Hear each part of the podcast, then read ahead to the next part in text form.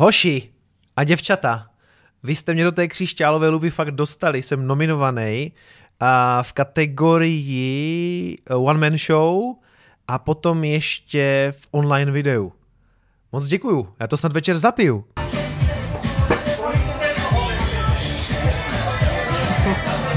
Jdu na jedno. Já bitcoiny nejedu, borci, já jedu pivo. Čau, Alnimer.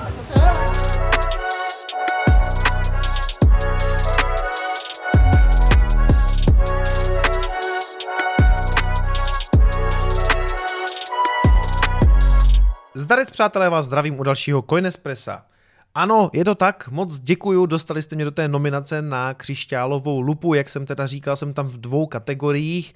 Co se týče to, to one man show, je tam velká konkurence, jo, jako asi si nemyslím, že bych to mohl vyhrát, když možné je samozřejmě všechno. Budu moc rád, že pro mě budete hlasovat. Vám zase link nechám v popisku. Tady, když do toho hlasování přijdete, tak pokud to chápu správně, tak vlastně musíte hlasovat v každé kategorii, respektive můžete uvíct tady v té kategorii nechci hlasovat, ale samozřejmě klidně hlasujte.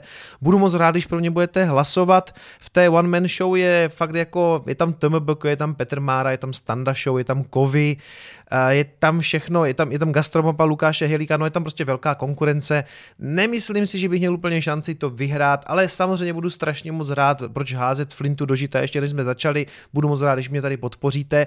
Pak samozřejmě ještě v té kategorii online video, kde zase je DVTV, Prostor X, projekt Vize, kluci z Prahy, velká konkurence. Já pořád přece jenom jsem trošku jako obskurní kanál o Bitcoinu, ale budu moc rád, když mě tady podpoříte. Takže díky moc, já jsem rád už jenom za tu samotnou nominaci.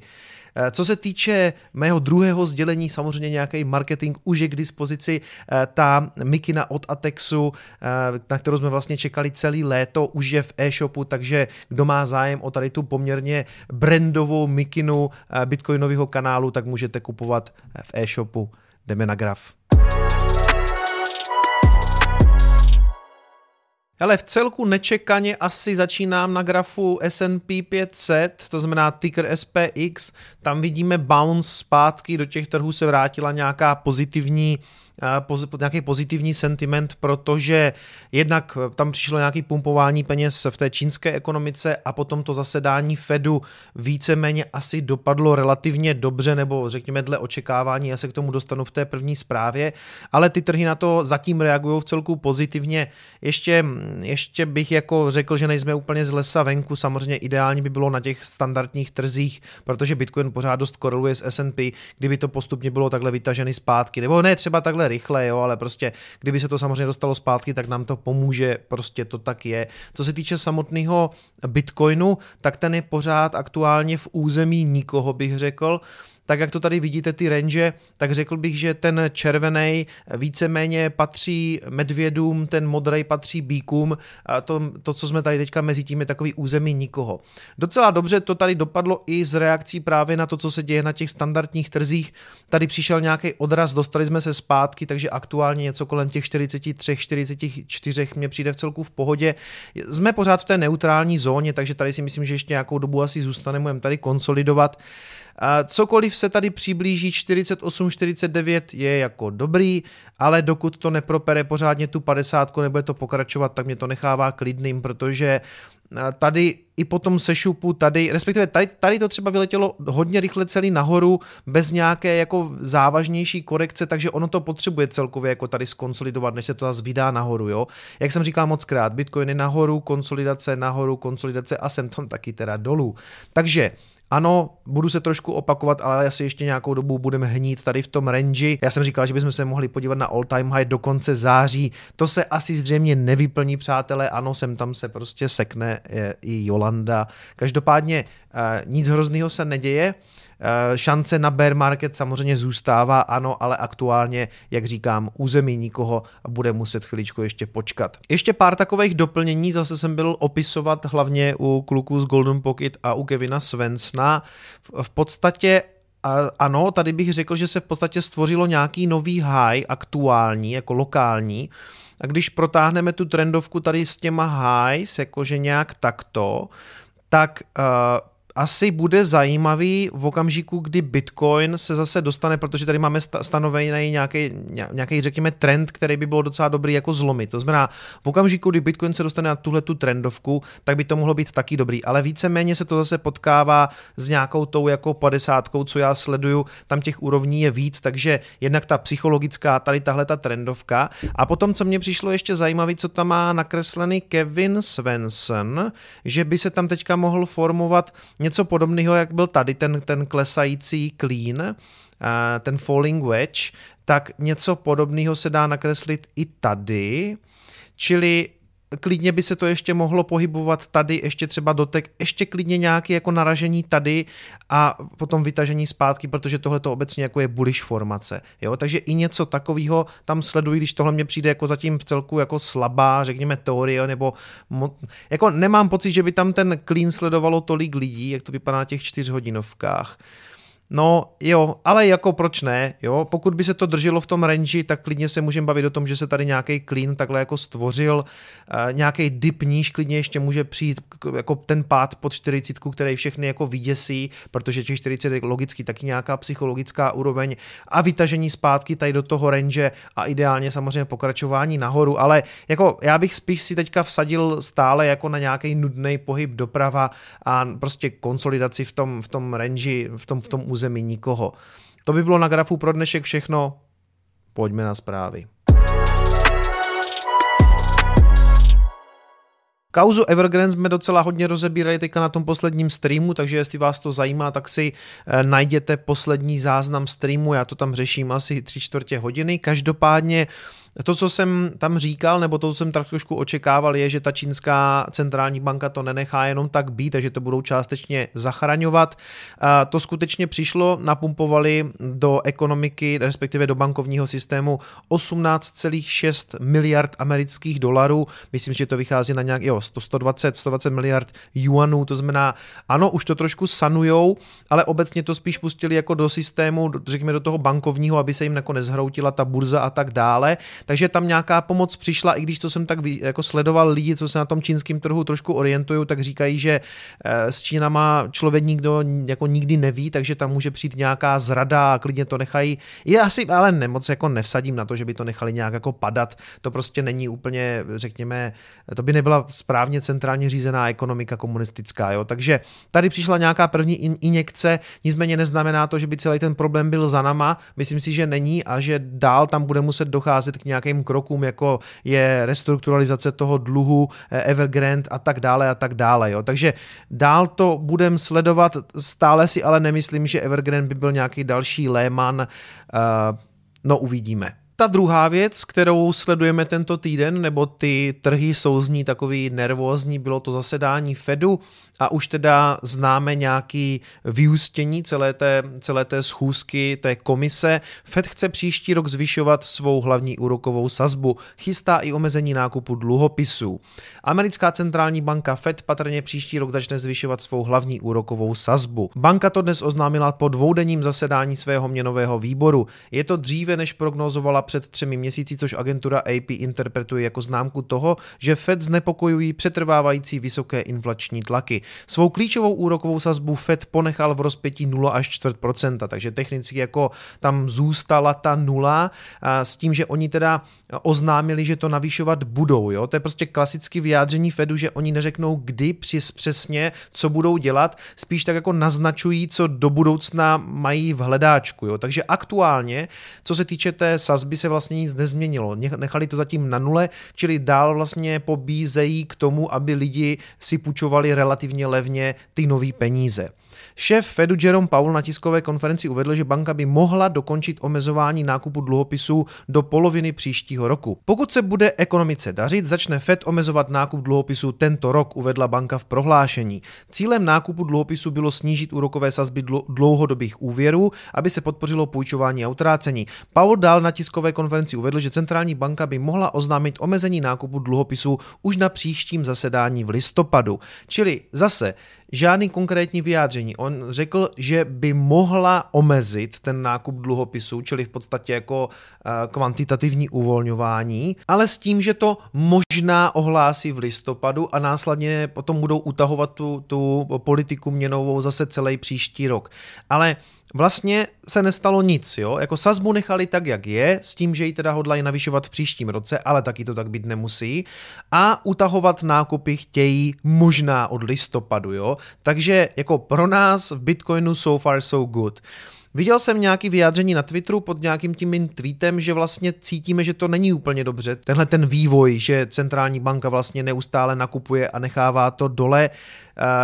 Jo, já souhlasím, že to dobře není, ale oni vlastně žádný jiný recept aktuálně nemají a jako já bych vlastně nechtěl být v jejich kůži. Tam jde o to, že pro nás je ten Bitcoin ochrana, protože u Bitcoinu prostě nezvětšíte jeho množství, takže část těch peněz prostě poteče do Bitcoinu. Proto já taky často říkám, nebo říkal jsem to na té přednášce, že Bitcoin není o tom úplně jak zbohatnout, ale jak neschutnout, jo? že prostě uh, na, my se chráníme, protože víme, že ty peníze tam potečou, no tak se nám aspoň napumpuje ten bitcoin, rozumíme si. Plus samozřejmě tuhle tu skutečnost si uvědomuje víc a víc lidí, takže do něho půjde víc a víc lidí a proto mu ta cena obvykle roste ještě rychleji, než třeba jako roste inflace. Čili není to jenom tak, že by to jako vyloženě byl jenom udržitel hodnoty, je to podle mě i dobrá investice do budoucnosti. To je taky o tom jsem mluvil na té přednášce, že vlastně a si nemusíte jako vybírat, co to je. Bitcoin může být to, co od něho potřebujete. Mimochodem jenom připomínám, že ten program kvantitativního uvolňování eh, jede takovým tempem, že každý měsíc centrální banka americká Fed nakupuje dluhopisy v celkové hodnotě 120 miliard amerických dolarů. A opět se ptám, kde se ty peníze berou na ty nákupy, že jo, odpověste si sami. No je to to, čemu se jako neodborně říká tištění peněz, ale pravda je, a to vždycky Dominik zmiňuje, že tohle to není jako ta, řekněme, kritická část u toho e, uvolňování těch peněz do ekonomiky, ale je to spíš ta úroková sazba, kdy vy, když máte tu sazbu takhle nízko, tak vlastně stimulujete lidi, aby šli do komerčních, jako standardních bank a vzali si úvěry z toho vám teče nejvíc nových peněz, protože ty úvěry jsou vlastně peníze, které předtím neexistovaly, jsou stvořeny jako kredit, eh, který se objeví v té ekonomice.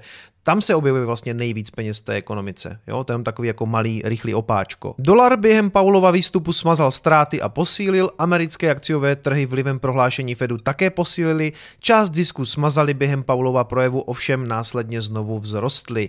Čili uh, my teď víme, že další, další naše setkání s Fedem bude někdy v listopadu. Do té doby v podstatě klid, protože nákupy se možná budou omezovat až od listopadu, úroková sazba zůstává tam, kde byla, takže so far so good, tady tohle jsme řekněme nějak přežili, nepřišlo žádné překvapení, teď ještě sledovat tu Čínu, ale aktuálně si myslím, že ty trhy jsou nějakým způsobem stabilizovaný. A ještě když se vrátím na to S&P, dneska to ještě neotevřelo, takže uvidíme, jaký bude začátek eh, toho obchodování, pokud by zase přišla nějaká zelená svíčka, dobře pro nás samozřejmě, protože by to mohlo být další tady takový výšej recovery a jedeme dál. Konec konců, jak jsem ukazoval i na streamu těch Vček, je tam prostě několik tady, tady a takových různých prohlášení, jako že se máme obávat, tam vlastně jenom za letošek přišlo docela dost a všechny byly víceméně vykoupeny nebo absorbovany tím trhem, jo? takže uh, a jako nepřišlo vlastně žádný překvapení, jak od toho Fedu, tak i Číňani jako odspou peníze, což si myslím, že víceméně bude snad pokračovat. Jako já si taky žádný zhroucení trhu nepřeju, takže já si myslím, že to nejhorší máme za nama. Mohlo by se to podepsat na Bitcoinu, který konec konců teďka aktuálně kolem 44, takže a, snad to bude dobrý. Teď jak to stříhám, tak už to otevřelo na těch trzích, respektive na S&P je zelená svíčka, takže docela dobrý a mimochodem to táhne teda i Bitcoin přes 44, takže dobrý. Pojďme na další zprávu. Robinhood uvádí svou kryptopeněženku a umožní transfery kryptoměn. Jestli tenhle ten kanál nějakou dobu sledujete, tak my jsme tady Robinhood řešili taky několikrát. Je to o obchodní aplikace zaměřená na retailový investory. Něco, eh, tak abych to asi nejlíp jako přirovnal k Revolutu, kde Revolut teda umí nějak jako fintechové věci a směny měn. Eh, ten, ten Robinhood je zaměřený primárně na investování, znamená stáhnete apku, nahrajete peníze a můžete si hrát s různýma aktivama od akcí až po právě kryptoměny. A Robinhood byl dlouho kritizovaný za to, že neuměl právě výběr kryptoměn do své peněženky.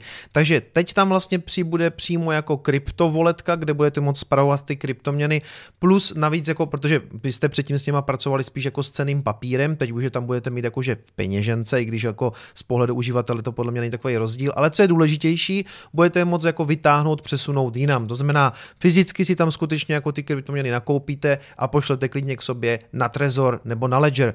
Teď to oznámili právě ve středu, že tuhle tu jako dlouho poptávanou funkci tam budou začlenovat taky a už teďka první zákazníci to budou moct testovat.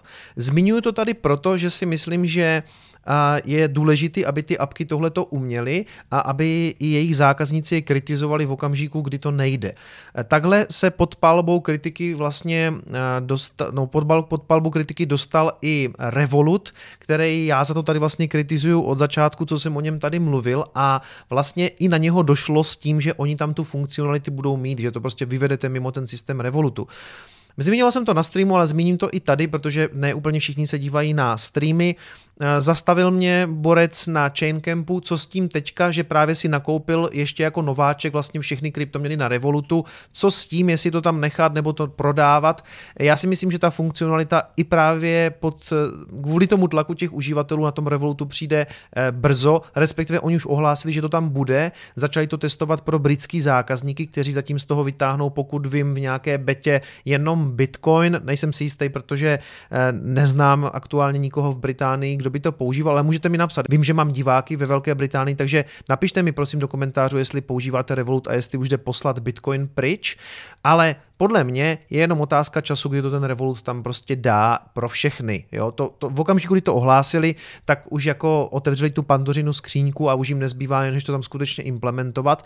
Já odhaduju, že by to stan mohlo být třeba tak do půl roku. Možná se to dočkáme i na, Vá, na Vánoce, kdy spousta firm ohlašuje nějakou, nějaký nový featurey, tak aby prostě se taky chytla nějaké jako vánoční horečky a různé akce a tak dále, Black Friday, Cyber Monday, čili Bude to tam, to vám jako garantuju, teda ne, že bych mohl něco garantovat, ale myslím si, že to tam bude a myslím si, že to tam bude brzo. Takže pokud to máte na Revolutu, tak bych teďka jako neprodával a nesměňoval dřív nebo později, to tam a stejně vytáhnete. A to se teda týká i Robinhoodu.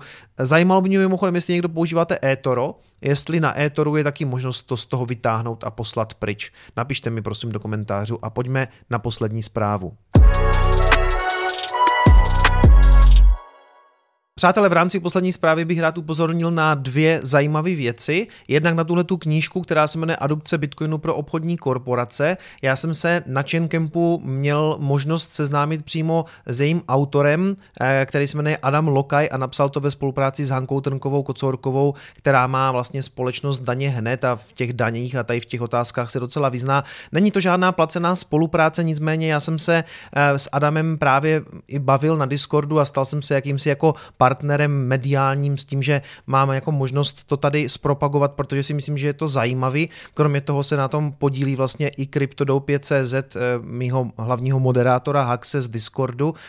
Proč si myslím, že je dobrý si tu knížku stáhnout, podívat se na ní, jednak je úplně zadarmo. Druhá věc, eh, ptá se mě na to právě hodně firem, jakým způsobem začlenit Bitcoin eh, do svého nějakého fungování a o tom je vlastně celá ta knížka. Takže máte možnost tady tu knížku přímo stáhnout, já mám tady v pdf otevřenou, ona vyjde i jako tištěná a zřejmě se objeví i u mě v e-shopu. Aktuálně klidně celou knížku, ale můžete teda najít tady v tom pdf a klidně si ji můžete už přečíst.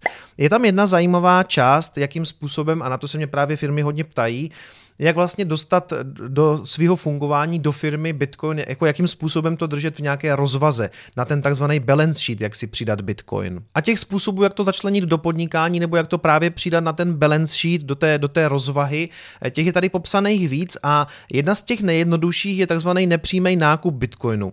Rozhodne se obchodní korporace investovat do Bitcoinu, může k tomu využít finančních nástrojů, jejichž podkladovým aktivem je Bitcoin.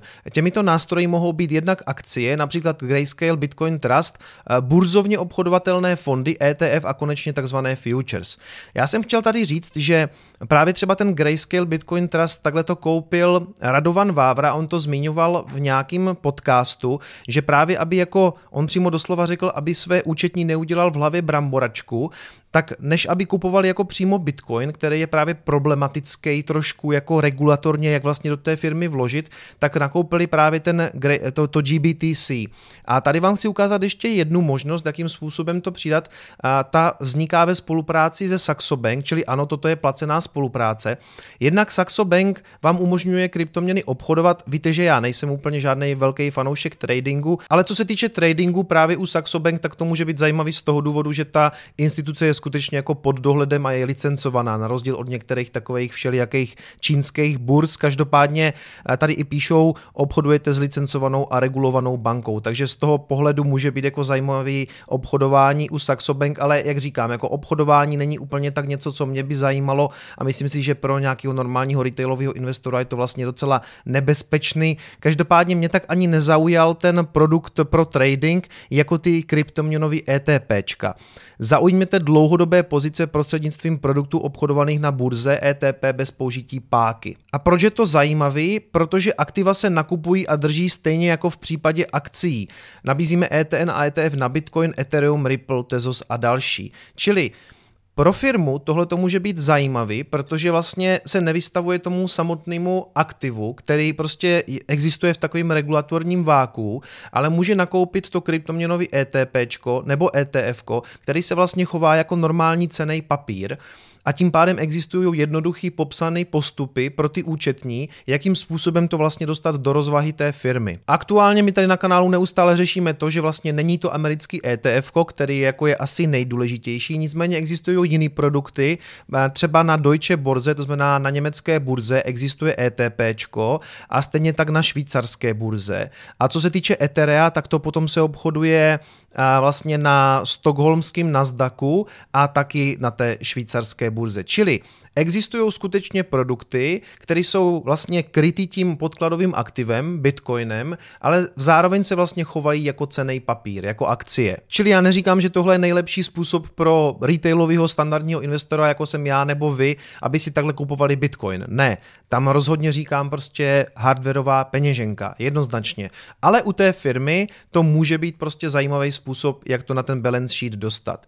Co se týče toho, kdyby to někdo chtěl kupovat i jako fyzická osoba pro sebe, tak za prvé, pořád bych se držel toho jako not your keys, not your coins, má smysl mít prostě rozhodně bitcoin na hardwareové peněžence, jednoznačně, ale může tady být zajímavý třeba nějakým malým procentem se vystavit i nějakému tomu ETPčku, protože tím, že se to chová jako akcie, tak by to mělo znamenat, ale to prosím jako konzultujte s daňovým poradcem nebo s účetním, tak by se na to mohl vztahovat ten časový zámek, ten, ten, ten časový test. To znamená, pokud to ETP nebo ETN, který si tady koupíte, budete držet víc než 3 roky, tak se na něho nevztahuje daňová povinnost, protože on je to v podstatě cený papír. To znamená, pro někoho to může být i zajímavý z toho důvodu, že třeba Vím, že chci tady Bitcoin držet 10 let, OK, ten mám na hardwareové peněžence, ale možná budu chtít nějakou část spekulativně za 3-4 roky prodávat a pak třeba může být zajímavý nějakým malým procentem držet i nějaký jak kdyby papírový Bitcoin. Jo? Jak říkám,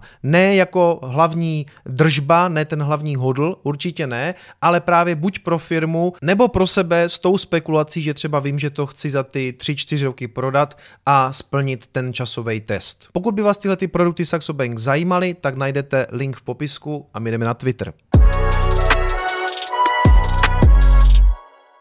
Z Twitteru jenom pár takových zajímavých zpráv. Dneska byl hacknut Bitcoin, respektive Bitcoin.org, ale samozřejmě se objevilo hodně takových těch clickbaitových nadpisů, že Bitcoin byl hacknut. Hele, ne, hacknutá skutečně byla jenom ta webovka, kde se na chvilku objevil takový ten klasický skem, jako uh, pošli sem Bitcoin a pošleme ti dva zpátky. Ano, přátelé, na to chci rovnou tady upozornit. Máme mezi sebou spoustu nováčků a zase se objevují takový ty skemy, jako že někde uh, Vitalik něco vysílá, nebo Charles Hoskinson někde něco vysílá a vždycky tam jedou takový popisky jako pošlete mi tolik Cardana nebo tolik, tolik Etherea nebo tolik Bitcoinu, pošlem vám dvojnásobek zpátky. Ne, přátelé, nikdo vám nic nepošle, o ty kryptoměny samozřejmě přijdete.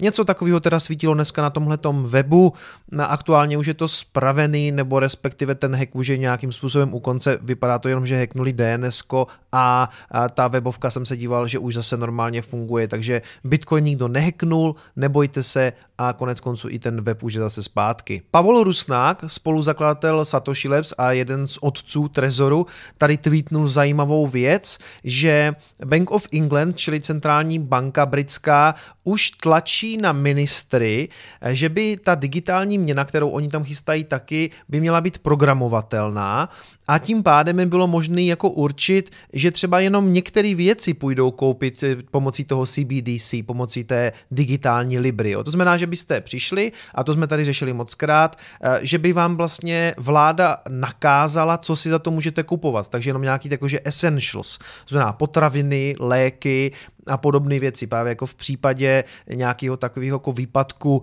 ekonomiky jako během covidu, i když jako Británie má takový výpadek od té doby, co udělali Brexit, tak tam jako je nějaký nedostatkový zboží. A teď se právě řeší, jestli to udělat programovatelný, jestli ty peníze nebudou jako univerzální a naopak bude moct ta, ta centrální banka, respektive nějaký ministerstvo jako určovat, co se může a co se nemůže nakupovat, což je samozřejmě jako Orwell, že jo.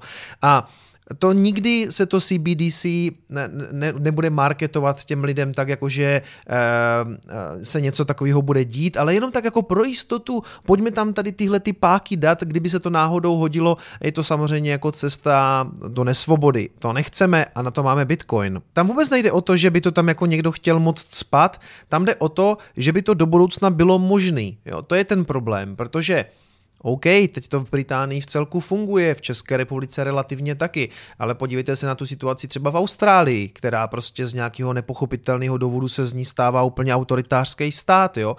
kdy prostě před pár lety bych řekl, že to je jedna z nejdemokratičtějších zemí na světě. A teď si představte, že oni tam pod nějakým tlakem by taky už měli k dispozici CBDC a začali by určovat, co za to ti občani můžou a nemůžou kupovat, nebo že třeba nějaká skupina obyvatel něco může a něco nemůže kupovat. Jo. Prostě hrozný, takže eh, tomu si samozřejmě musíme vyhnout, respektive kvůli tomu máme právě Bitcoin a a já doufám, že se takové budoucnosti nedožijem, kde na základě CBDC bude určeno, co si můžeme a co si nemůžeme kupovat. Poslední tweet je můj, takže klasický komentování sám sebe, ale já bych to spíš chtěl trošku asi dovysvětlit. Napsal jsem, nebo tweetnul jsem, hodně lidí je nervózních způsobení Garyho Genslera v SEC. Já mám ale pocit, že Bitcoin v jeho hledáčku vůbec není a dost možná letos uvidíme i ETF. -ko. Jde po altech, které chrlí své governance tokeny. Sure. Uh, unpopular opinion, jako uh, nepopulární názor, Gary jen dělá svou práci. A je mi jasný, že to bude nepopulární názor, jo, ale prostě uh, ta SEC tam teď nějak funguje a má plnit nějakou svou roli. A my se můžeme bavit o tom, jestli je to dobře nebo špatně, ale my žijeme v nějaké, jako řekněme, regulované ekonomice a ti lidi jsou na to navíc zvyklí. Kdyby jsme existovali v nějakém úplně volném trhu, tak lidi na tom trhu se vám chovají úplně jinak, protože mají prostě pocit, nebo nemají pocit, že je někdo chrání. Takhle ale mají pocit, že je někdo chrání a ten Gary by to podle mě vlastně svým způsobem měl dělat a i to dělá. Tam jde o to, že dneska máte na um, Coinbase prostě jako mraky shitcoinů, kdy to ty vlastně jako firmy, protože to není nic jiného než firmy, vydali jako nějaký svý governance token, nebo tak se tváří, že jako přesto se řídí ta měna, bla, samozřejmě, že to investiční token. Všichni víme, že to všichni kupují jako na investici. A jenom tím obchází různý nějaký zákony, jako že si vlastně nechtěli vydat akcie, tak vydali jako tokeny a tváří se, že to tak není. A co jiného, jako tomu Genslerovi zbývá, než prostě, že začne ťukat na Coinbase a říkat, hele, ale kluci takhle ne, jako my máme nějaký platný zákony. A naštěstí, nebo dobře pro nás, eh, co, drží, co jako věříme Bitcoinu, on chápe Bitcoin jako něco jiného a má pravdu, protože Bitcoin je skutečně decentralizovaný a neovládá ho žádná, žádná firma, kde u těch shitcoinů je to jednoznačně tak, že to vždycky vydal pár prostě nějakých developerů, něco vymyslelo, teď jim do toho zainvestovali ty VC money, že jo, prostě ti investoři ze Silicon Valley a ti to teďka hážou těm jako retailovým investorům na hlavu.